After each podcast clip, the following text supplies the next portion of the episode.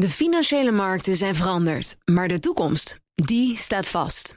We zijn in transitie naar een klimaatneutrale economie. Dit biedt een van de grootste investeringskansen van onze generatie. Een kans voor u om mee te groeien met de klimaatoplossingen van morgen. Meer weten? Ga naar carbonequity.com. Carbon Equity. Do good by investing better.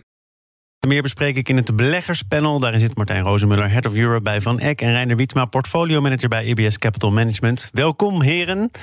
Dank. En uh, wij beginnen met jullie laatste transactie. Reinder, wilde jij het hebben over een hele grote deal, begrijp ik? Ja, nou niet een transactie die wij zelf gedaan nee. hebben... maar wij zijn uh, als bij EBS aandeelhouder van uh, S&P Global... Het is een bedrijf van 85 miljard beurswaarde. En die kennen we onder andere als uitgever van bijvoorbeeld de SP 500-index. En ook het geven van credit ratings. Dus de AAA of de double B komt bij SP vandaan. En dat is een hele grote organisatie. En die heeft een, een hele grote deal gedaan. Ongeveer de grootste deal van dit jaar. Het is net hoe je afrondt. Uh, maar ze hebben IHS Market gekocht. En ze betalen volledig in aandelen. Dus er gaat geen geld over tafel. Uh, maar de aandeelhouders die nu IHS Market hebben, hebben straks 37% van de, van de hele groep in handen. Ja, en IH, IHS Market is een branchegenoot. Is een branchegenoot, een collega, ook een dataleverancier. Uh, 80% van de business is echt gewoon subscription-based uh, data's. Um, ja, ze geven heel veel verschillende type data's uit, maar je kent ze misschien van de PMI-index. Dat is zo'n wekelijks of maandelijkse indicator van hoe het gaat met de economie. Nee, Kees de Kort houdt me elke dag op de hoogte van, uh, van de inkoopmanagers. Um, maar dat, uh, dat is iets wat zij bijvoorbeeld regelen.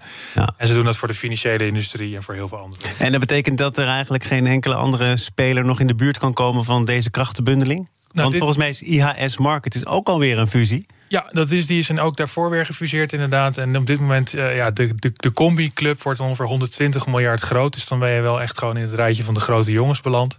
En hierna zijn er inderdaad een hele hoop kleinere. Dus bijvoorbeeld Moody's is een bekende partij. Uh, als ja, maar die wordt nu in één keer een stukje kleiner in verhouding. In verhouding, ja, ja, ja. ja. want de market deal was 44 miljard, als ik me niet vergis. Ja. En uh, ja, wij kennen ze onder andere van ook de indexlicenties van bijvoorbeeld de iBox uh, ETF's die we hebben. En daar zijn ze ook al jarenlang uh, groot in. Ook nou ja, voor inderdaad die combinatie van IES en market. Ja, het is een wondere wereld, die, die dataleveranciers. En dat er zoveel geld in omging, wist ik tot een aantal ja. jaren geleden niet. Maar dat is een wondere wereld. Daar gaat heel veel geld in om, omdat informatie kostbaar is, duur is. Ja. Bedrijven zijn ervan afhankelijk. Je bent ervan afhankelijk. Nou, in ons geval bijvoorbeeld, wij zijn als vermogensbeheerder of beheerder van vermogen verplicht ook om credit ratings te gebruiken. Uh, ja, en, en SP of Global kan gewoon, stuurt elk jaar een bonnetje en daarop staat: dit is het. Je, je kan er niet omheen. Nou, je moet, moet gewoon. Het staat letterlijk in de statuten van veel uh, beheerders van vermogen dat ze deze ratings moeten gebruiken. Um, dus je moet of Moody's of Fitch of S&P hebben. En ja, veel keuze heb je niet. En ze maken er 60% winstmarge op. En het jaar op jaar stijgt het ook. En ik denk dat voor IAS Market met, uh, met de e-box uh, licenties en andere indexfees uh, niet anders is. Klopt. Dus als je de combinatie neemt, zit het nu over 11,5 miljard. Maar, maar in, in, heel veel andere branches zou dan toch zo langzamerhand een toezichthouder moeten gaan kijken van goh, nou, bedrijven moeten dit afnemen, moeten er gebruik van maken. Er zijn nog één of twee grote bedrijven over die steeds groter worden. Is dit nog gezond? Nou, dat zie je ook zeker wel gebeuren. En wat je in ieder geval aan onze kant van het spel ziet voor die indexlicenties, is dat uh, een aantal partijen toch uh, steeds vaker kiezen voor een laten we zeggen, meer uh, of minder bekende indexleverancier... die dan veel goedkoper werkt. Ja. En zo heb je een aantal jaren geleden Selective uh, gekregen... die in Duitsland hun indexbusiness zijn gestart. Met name om de concurrentie aan te gaan. Met een MSCI, met een Market, met een S&P. Ja. En dat groeit ook best aardig. Je, je, je zei net overigens niet onbelangrijk, denk ik, zeker in het beleggerspanel, volledig in aandelen. Ja. Uh, waarom zou je, dat is meer in algemene zin, waarom zou je daarvoor kiezen? Of uh, waarom is dit een goede optie of juist niet? Nou, kijk, S&P geeft de aandelen uit en S&P, de aandelen van S&P zijn relatief gewild. In die zin zijn niet goedkoop. Uh, dus de currency waarmee ze betalen zijn hun eigen aandelen. Dus de, je hoeft relatief weinig uit te geven van je eigen aandelen om toch een hele mooie asset binnen te halen. Dan was IAS Market ook niet goedkoop, maar op deze manier hoef je de de echte portemonnee niet te trekken. Nee. Maar zijn alle aandeelhouders toch blij. Want de aandeelhouder uiteindelijk krijgen veel synergieën. Uh, dat is een mooi woord voor uh, minder mensen, minder vastgoed en uh, minder kantine medewerkers. Dus het betekent gewoon dat er bezuinigd kan worden. en dat is ook logisch, want als je op schaal dit soort data verkoopt, dan nou, kan je met één persoon kan extra veel verkopen.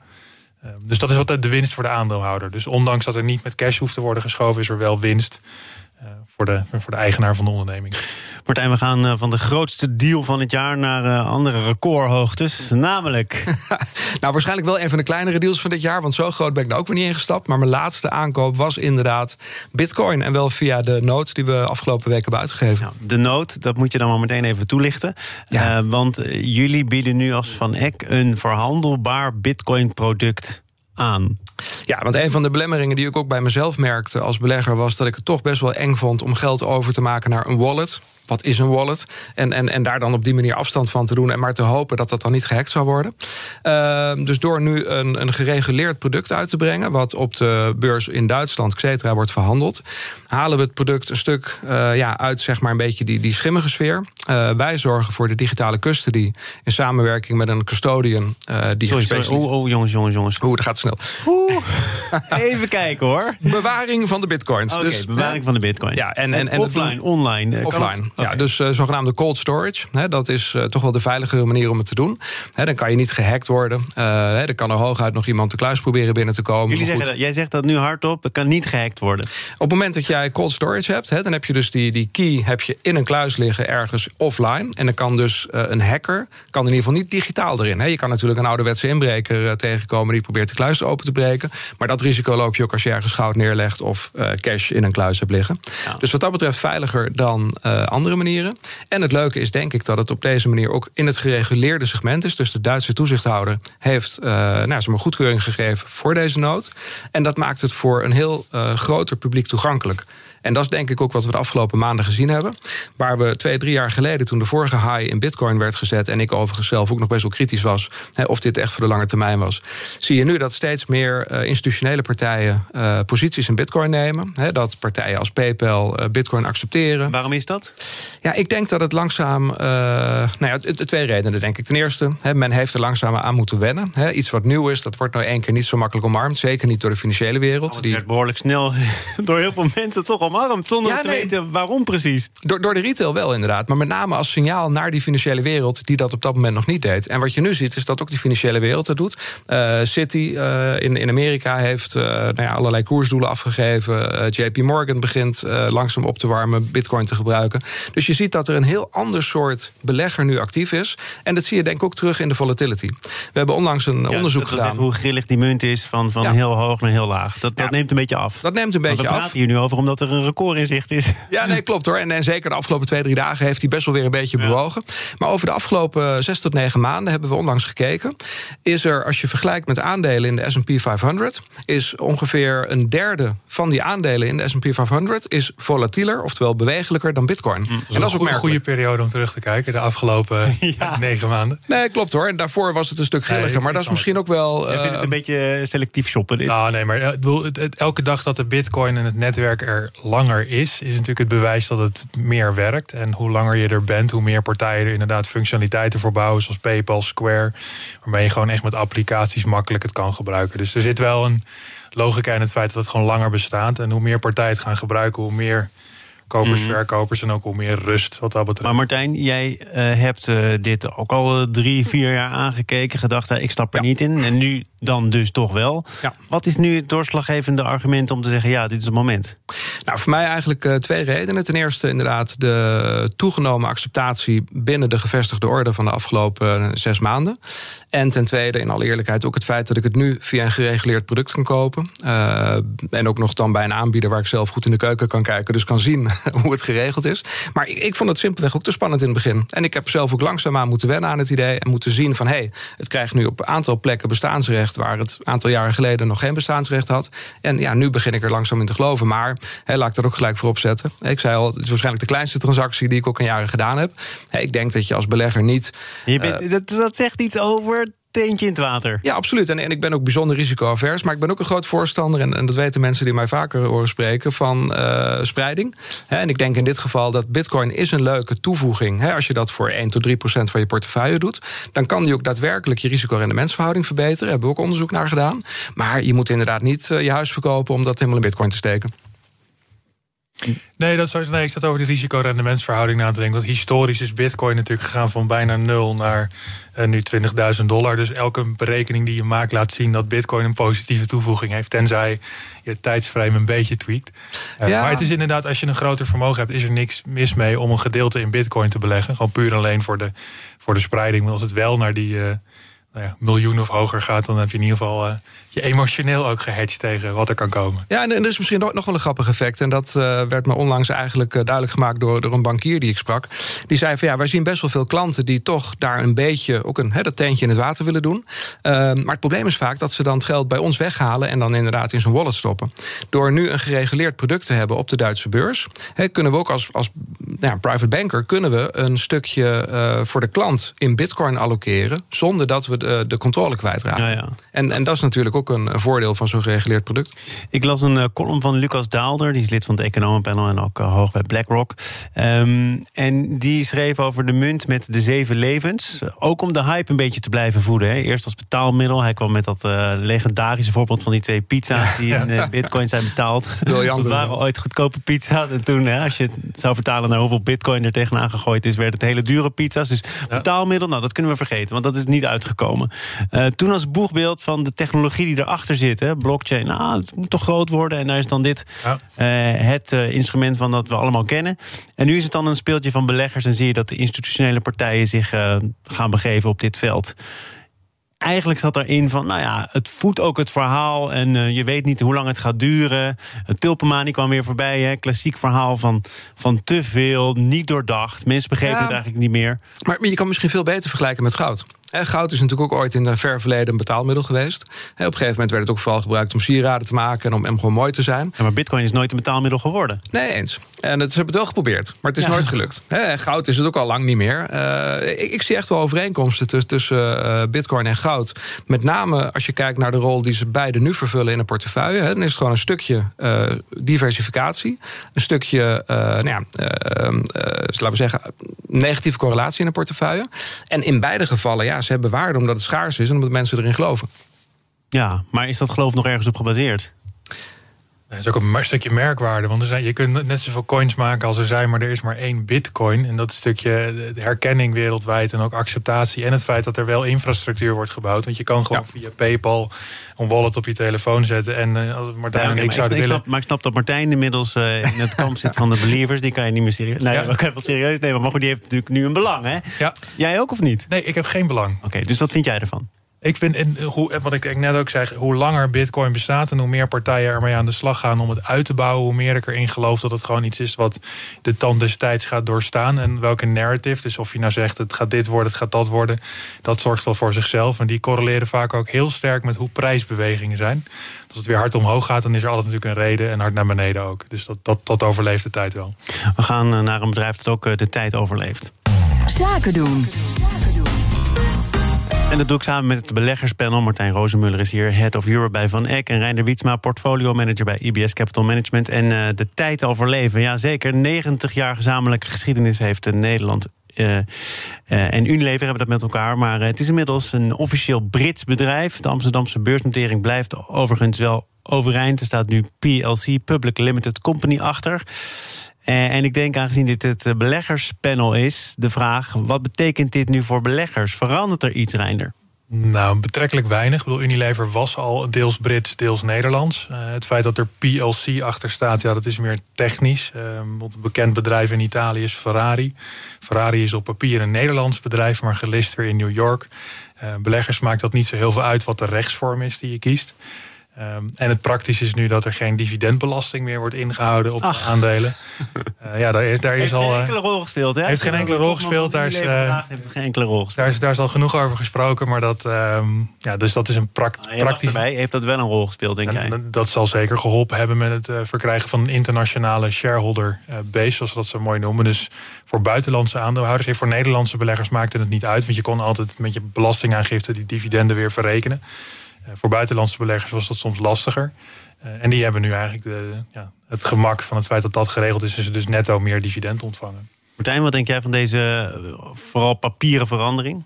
Ja, ik denk inderdaad dat de impact heel beperkt is. Uh, het is wel jammer dat er aan een hele bijzondere situatie... die best wel uniek was in de wereld, een eind komt. Uh, maar ja, dat is meer een gevoelsargument dan een, dan een logisch argument. Ik heb een tijdje terug het boek gelezen over Unilever... het grote gelijk van Polman. Ja. En ja, dat schetst wel een heel mooi beeld hoe dat bedrijf ooit ontstaan is en waarom het was zoals het was. Maar het schetst denk ik ook wel een beeld van een organisatie die toch enigszins uh, gespleten was. En ik kan me voorstellen dat uh, in de huidige opzet met alleen een Engels, een Engels hoofdkantoor, dat het misschien ook eigenlijk voor het bedrijf wel beter is. Ik heb wat, wat oude kranten gelezen toen het er nog zeer naar uitzag dat Unilever voor Nederland zou kiezen. En toen waren een paar commentaren Vooral gericht op het feit dat Unilever daarmee ook echt duidelijk koos voor het uh, Rijnlandse model. Hè, met uh, meer aandacht voor de lange termijn. En uh, dus af zou stappen van het Anglo-Saxische model met meer belang voor de aandeelhouder. Als dat zo is, dan is het toch nog wel een vrij principiële en fundamentele keuze, Martijn, waar je hoofdkantoor staat. Dat ben ik met je eens. En uh, moet je eerlijk zeggen dat uh, daarmee zet je me nu opeens aan denken. Nee, maar echt zonder grap. Um, Komt hetzelfde voor. Eigenlijk, eigenlijk is dat natuurlijk iets wat iedere aandeelhouder zich zou moeten afvragen. Hè? Dat, dat, dat idee van die korte en die lange termijn. Per definitie zou je als aandeelhouder veel meer voor het Rijnlandse model moeten gaan. Veel meer voor die lange termijn eigenlijk. Want um, je kan wel zeggen, ik wil op korte termijn ieder kwartaal die cijfers zien verbeteren. Maar als het goed is, ben je als aandeelhouder niet voor die korte termijn bij dat bedrijf betrokken, maar veel meer voor de lange termijn. je hebt dat boek gelezen net ja. van Polman, over Polman. Precies. Dit was zijn gevecht. Ja, en het is ook heel jammer, denk ik, dat hij daar uiteindelijk uh, nou ja, niet in geslaagd is. En, en, ja, dus... Is de strijd nu dan definitief uh, beslist door die keuze voor Engeland en daarmee dus ook impliciet de keuze voor dat Anglo-Saxische model? Nee, dat denk ik eerlijk gezegd niet. En dat heeft ook te maken eh, met het feit dat Polman wellicht toch een beetje zijn gelijk gaat halen. Doordat de hele wereld nu veel meer dan toen hij ermee bezig was, bezig is met duurzaamheid, met langetermijn. Hij, hij liep toen op de troepen vooruit. Maar hij gaat denk ik achteraf stiekem toch nog zijn gelijk halen, maar dan zonder dat hij daar zelf aan het roer staat. Reinder? Nee, absoluut. Ik, zat over dat Rijnlandse en het Anglo-Saxische model na te denken. Want uh, ik spreek ook wel eens met groepen aandeelhouders, met bedrijven. Maar de, de, de, het verschil in mindset, zoals dat zo mooi heet, tussen ons Nederlanders en buitenlandse beleggers is soms echt gigantisch. Want als je met een groep Amerikanen met een Nederlandse financiële instelling gaat praten, dan gaan die vragen als waarom zijn jullie bonussen zo laag? Zijn jullie wel aligned? Werken jullie wel voor mij? Wat is duurzaamheid? Vraagteken. Die hebben een totaal andere mindset. En ook die zien zichzelf wel als langetermijn aandeelhouder. Um, of we hebben een heel ander doel, dat is meer het, het hedge fund. Nou, dat, dat kan ook. Uh, maar er zijn ook zeker lange termijn aandeelhouders die echt heel erg geloven in het Amerikaanse bonusmodel en het, of het Engelse bonusmodel. Uh, dus er zijn grote verschillen tussen die twee modellen, maar het kan zo zijn dat het beide op de lange termijn goed uitpakt. Nou ja, wat, ik sluit me er helemaal bij aan dat Polman inderdaad eigenlijk een voorloper was van uh, het model van meer uh, nou ja, stakeholder kapitalisme, waarbij iedereen mee moet doen en het bedrijf ook een medium is om dingen te veranderen. En dat, dat zie je steeds meer gebeuren. Ook in Amerika heb je bedrijven, bijvoorbeeld Salesforce, die echt heel erg voorop lopen met het feit dat hun bedrijf er is om de wereld beter te maken en niet meer alleen om de aandeelhouder te dienen. Uh, daar is, dat, is, dat is een beweging die nu op gang begint te komen. En ik denk dat dat zeker ook vanuit wat jongere generatie nou ja, zijn gevolg zal krijgen en blijven houden. Dan gaan we naar um, een bedrijf dat ook uh, gevolgen ondervindt van uh, veranderende omstandigheden. Gaat het over ABN AMRO. Uh, werd in augustus al bekend dat er 800 banen verdwenen in de zakentak. Er wordt nu verder gesneden. Eén op de zeven banen zal tot en met 2024 verdwijnen. ook een ander hoofdkantoor. Het wordt verkocht en weer teruggehuurd. En uiteindelijk zal ABN AMRO grotendeels verdwenen van de Zuidas. Um, dat werd gisteren allemaal bekend in een strategie-update... Uh, met als gevolg in ieder geval op de beurs... dat de koers gevoelig naar beneden ging. Is dat, uh, Martijn, een teken dat aandeelhouders er weinig vertrouwen in hebben? Nou, het is in ieder geval geen uh, vote of confidence, zou je kunnen zeggen. En uh, nee, ik denk inderdaad dat de aandeelhouders uh, gezien hebben van... hé, hey, wacht eens, die, die rendementsdoelstellingen die er waren... 10, 13 procent rendement op het eigen vermogen... die worden nu bijgesteld naar 8. En, en dan misschien ook nog wel een voorzichtige 8. Ja, dat nou, is natuurlijk... lange termijn is 10 volgens mij. Maar Zwaak, de topman, heeft gezegd... we moeten realistisch ja. blijven. En, en, daar is ook wat voor te zeggen. Nee, ik denk dat het heel goed is om realistisch te blijven. Je wil je aandeelhouders ook niet iets voorhouden wat niet gaat lukken. maar ik denk dat de reactie begrijpelijk is dat de koers daarop daalde, verbaast me op zich niet. En ook niet als je kijkt naar, en ik weet niet in, in hoeverre er heel veel over werd gezegd in, in die update, maar ja, het speelveld voor banken als ABN begint natuurlijk steeds moeilijker te worden. Er zijn op betaalverkeer diverse fintech-concurrenten die het allemaal veel beter, veel sneller, veel goedkoper doen. op het gebied van beleggen heb je diverse concurrenten, ook uit die fintech-hoek, die dat, die dat veel beter, veel sneller doen. Ik, ik, ik las dat ze willen focussen op het zijn van een, van een personal bank, hè, private banking een belangrijk onderdeel.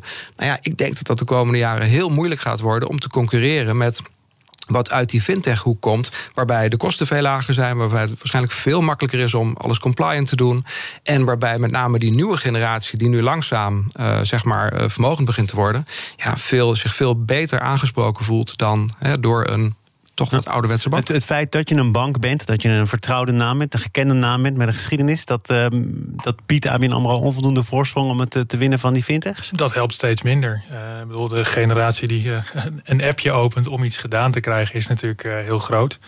En, en misschien als je nog wat langer uitstapt ook bij het hele. Want het ABN AMRO, maar ook de bankensector in het algemeen. Bedoel, ABN AMRO is nu nog een derde waard van anderhalf, twee jaar terug. ING is gehalveerd. En als je alle banken in Europa samenneemt...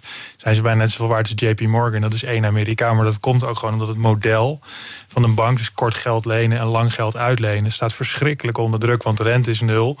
En als je de lange rente neemt, is die ook bijna nul. Dus er wordt gewoon steeds minder verdiend. En Um, kijk, bij Shell valt het op. De olieprijs is laag. Kun je allemaal naar de olieprijs kijken. Maar de netto marge die banken kunnen verdienen op het klassieke bankieren...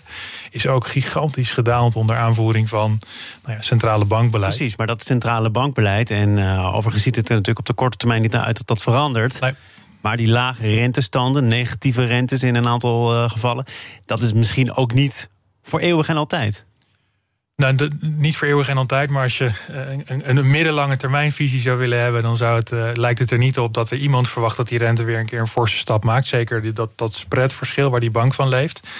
En als je kijkt naar een plek waar dit al wat eerder gebeurde, dus Japan, zie je dat bankaandelen daar ook gewoon dramatisch doen al heel lang. Maar gewoon omdat er niks meer te verdienen is. Dus je hebt een laag, het is een commodity prijsbedrijf, maar dan is dit gewoon de prijs van geld.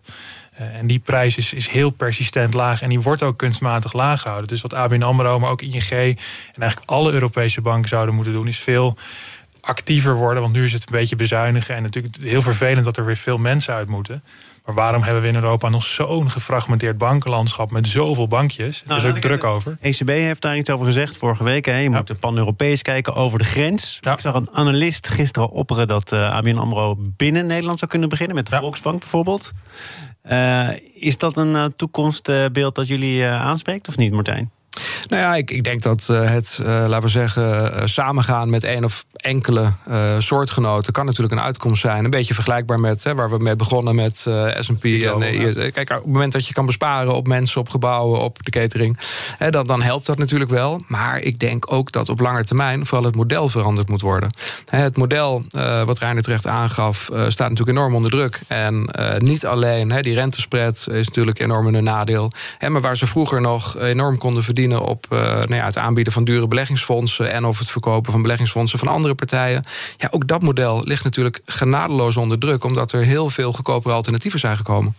Als er maar dividend uitgekeerd kan worden, hè? Want, ja, dat uh, dividend. het een en ander over te doen. Dat dividend bij veel Nederlandse beleggers, maar ook bij veel Nederlandse instellingen, is een soort van heilig verklaard. Maar um, kijk, het zou mooi zijn als je überhaupt een onderneming kan vinden die dat geld zelf kan investeren en er veel meer van maakt. De ondernemingen die geen dividend betalen of heel weinig, hebben ook veel betere performance laten zien de afgelopen jaren.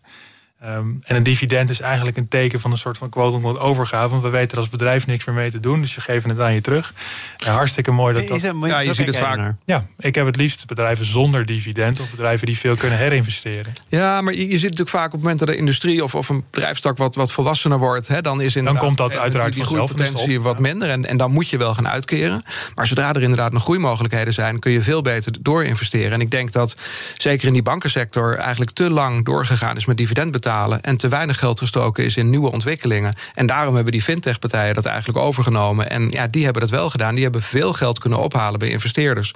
Door zichzelf als groeiaandeel te positioneren. Ja, en daar zie je dan nu uh, de, de, ja, zeg maar de, de uitkomst van. Nou, hier is de rector ook helemaal uit. We hebben geen tijd meer. Dus ik ga jullie bedanken voor jullie aanwezigheid. Als leden van het beleggerspanel Reinder Wietsma, portfolio manager bij IBS Capital Management.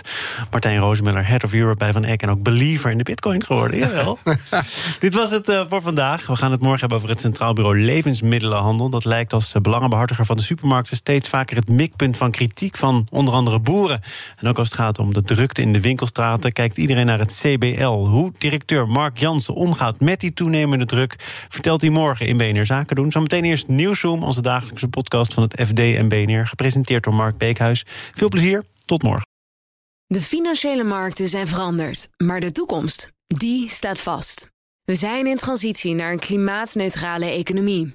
Dit biedt een van de grootste investeringskansen van onze generatie. Een kans voor u om mee te groeien met de pioniers van morgen. Meer weten? Ga naar carbonequity.com. Carbon Equity. Do good by investing better.